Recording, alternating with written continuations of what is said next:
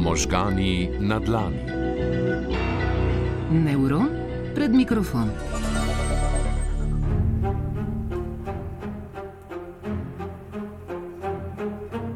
O, katastrofa, kakšen maj, kakšno vreme. Dež na dež na dež, pa še mraz je. A je to kakšna pomlad? Ja, ni, ne, seveda ni. Vsi so zoprni, jeznoriti, živčni, pa še ta pritisk dol tlači. Tako pritiska, da boli glava. In glavoboli ponavadi prinesejo še več jamranja. Slovar slovenskega knjižnega jezika. Jamrati, nižje pogovorno, so pomenki, tožiti, tarnati. Primer: nič hudega mu ni, pa vendar jamra. Jamra, da ga otroci ne ubogajo. Prav iz naših otroških najzgodnejših izkušenj pa izvira to naše jamranje, pripoveduje psihiatrinja in psihoterapeutka Breda Jelen Sobočan. Jamranje je pravzaprav na nek način od, ostanek našega prvega krika po odnosu, po bližini, po tolažbi, po življenju. Pravzaprav otrok se rodi z jokom in v bistvu jamranje je na nek način ena različica joka ko iščemo pri drugem, da nam pomaga potolažiti ali pa napolniti naš notranji svet. Torej, z jamranjem na nek način iščemo pozornost. Iščemo pomoč, bližino, lahko rečemo pozornost. A je vse jamranje enako? Nekje pa, tako kot joki niso enaki, tudi jamranje eh, ni enako in v bistvu vedenje je pogosto maska, ki si jo nadene psihološko, da tudi pred nami, ne samo pred drugimi, skrije svoje eh, skrite ali pa prepovedane namene.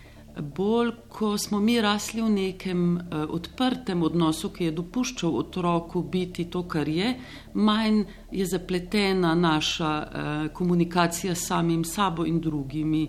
Bolj, ko so bili starši na nek način neodzivni na mnoge otrokove potrebe, bolj je ta otrok maskiral svoje potrebe v vedenja, ki včasih nimajo veze z osnovno potrebo. Katera omrežja naših možganov pa se, če rečemo kar po domače, najbolj repenčijo nad svetom. Jamrajo eh, tisti deli možganov, ki iščejo varnost, bližino, zaupanje, pomiritev. V tistem delu, ko se ne znamo ali ne moremo sami pomiriti, iščemo bližino drugega, da nam bo na nek način poskušal vzpostaviti notranje ravnovesje.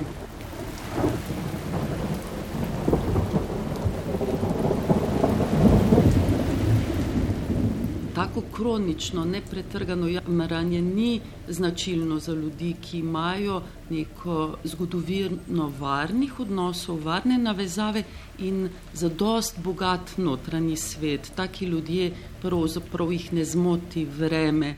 Tako lahko vidimo, da je nebo, ki ga gledamo, na nek način metafora materinih oči. Ko smo ležali v zibelki in se zazrli v materine oči, bilo to na nek način nebo. In če so njene oči sijale, je bilo sonce, in če je bila ona uh, naveličena, jezna, uh, smo ji bili odveč, je bilo to za otroka eno tako uh, težko nebo. In uh, je pravzaprav za takega otroka, polnega ene take.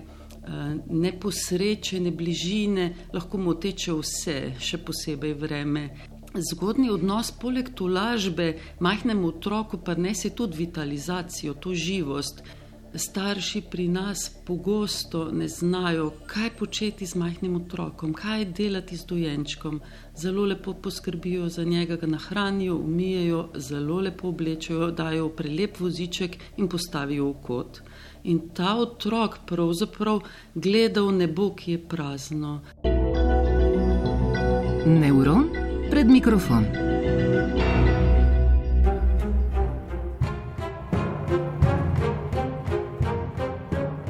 Brez veze, to je kar nekaj, vse me boli. In na živce mi gredo ljudje, ki so vse čas sitni, kot da nimajo pametnejšega dela. Kaj pa mene briga, kaj je bilo v novicah in kako je vse zmešano? Ker možgani me bolijo od vsega tega. Da možgani ne bolijo, ljubitelji možganov že vemo. So se pa možgani v preteklosti veliko ukvarjali z jamranjem, posredno in neposredno. Zelo odmevna je bila raziskava znanstvenikov z ameriškega Stanforda, ki so sredi 90-ih let prejšnjega stoletja ugotovili, da kronični stres vpliva na propad celic hipokampusa in prekinitev povezav med živčnimi celicami. In ker je jamranje povezano s stresom, si lahko mislimo, da s tem sicer olajšamo dušo, a dolgoročno ne najdemo rešitve in nič dobrega ne prinesemo svojim možganom. Zanimivo študijo pa so prav marca letos v reviji Journal of Neuroscience objavili raziskovalci iz Združenih držav Amerike in Velike Britanije. Ugotovili so, da to, kako dolgo se nam neke negativne misli podijo po možganih, pomembno lahko vpliva na napovedovanje širšega duševnega stanja in dobrobiti. Ugotovili so, da je pri tem ključno vlogo igrala naša amigdala, mandlasta struktura v limbičnem sistemu. Ampak gremo nazaj k jamranju in naši sopotnici v jutranjem potepu posvetov neuronov, psihiatrini in psihoterapevtki Bredi Jelen Sobočan. Mi se ne rodimo z živim notranjim svetom, mi uživimo skozi odnos in bližino. In ta del je tisti, ki v našem okolju zmanjka, kar se potem poveže z neko slovensko nenaklonjenostjo, radosti, veselju, glasnosti, ekspanzivnosti. To je prepovedano. Vsi moramo, pš, bodite tiho, dajte mir, ne skakati, ne noreti, ne se veseliti. Imamo pravzaprav eno kulturo, slabega odnosa do veselja in radosti, ki se je nekako sparila skupaj z rimokatoliško nagnjenostjo k trpljenju in je pravzaprav to vrednota. Na vse to se pa usede še vraževerje, tako da se bojimo veselja. Kdor poje zjutraj, se bo zvečer jokal, kdor se smeje v petek, bo v nedeljo jokal, ne hvali dneva pred nočjo. Torej, nikar se ne veseli, ker to boš drago plačal. In da ta mešanica neke zgodne zanemarjenosti, eh, kulture, naše vere in seveda že verja ne bi delovala, je pa neverjetno, eh, nemogoče. Tako da slovenci so zelo težko srečni, če niso nesrečni. Če se naši možgani veliko ukvarjajo s temnimi deževnimi oblaki sredi maja, je to najbrž kar običajno in na zato jamranje ne rabi preveč skrbeti. Absolutno. Mi moramo imeti dostop do tistega trenutka pri sebi, ko rabimo drugega, ko se rabimo z drugim potolažiti, skupaj pojamrati. Ta čas je za kmete, vrtnarje, sadjarje, poštarje res težek. Imajo vso pravico, da jamrajo, za njih je to res težko življenje. Eh, nekdo, ki pa pravzaprav eh, lahko bolj na široko misli in ni mentalno eh, na nek način preveč len, pa lahko vidi en kup izzivov in korakov, ki jih lahko naredi, da aktivira.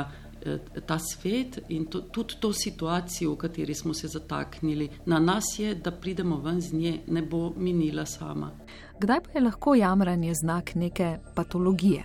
Ja, zelo pogosto ne, eh, patologijo posameznika kot na nek način zanemarjenega, ki nosi okrog svojo praznino in pomankanje tega ljubečega primarnega odnosa in se seveda mora celo življenje boriti s tem, kako se pomiriti, kako priti v neko bližino, ki se je zares boji.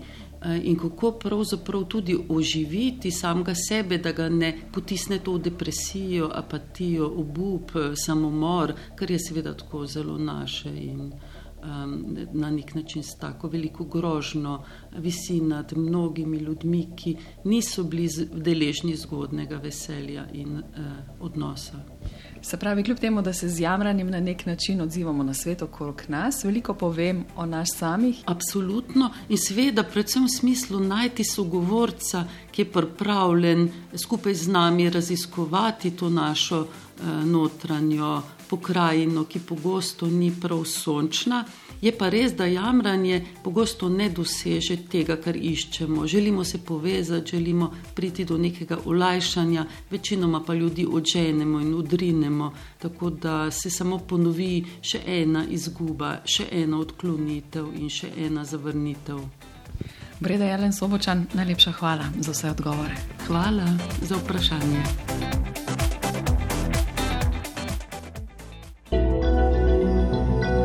Možgani na dlani. Neuron pred mikrofon.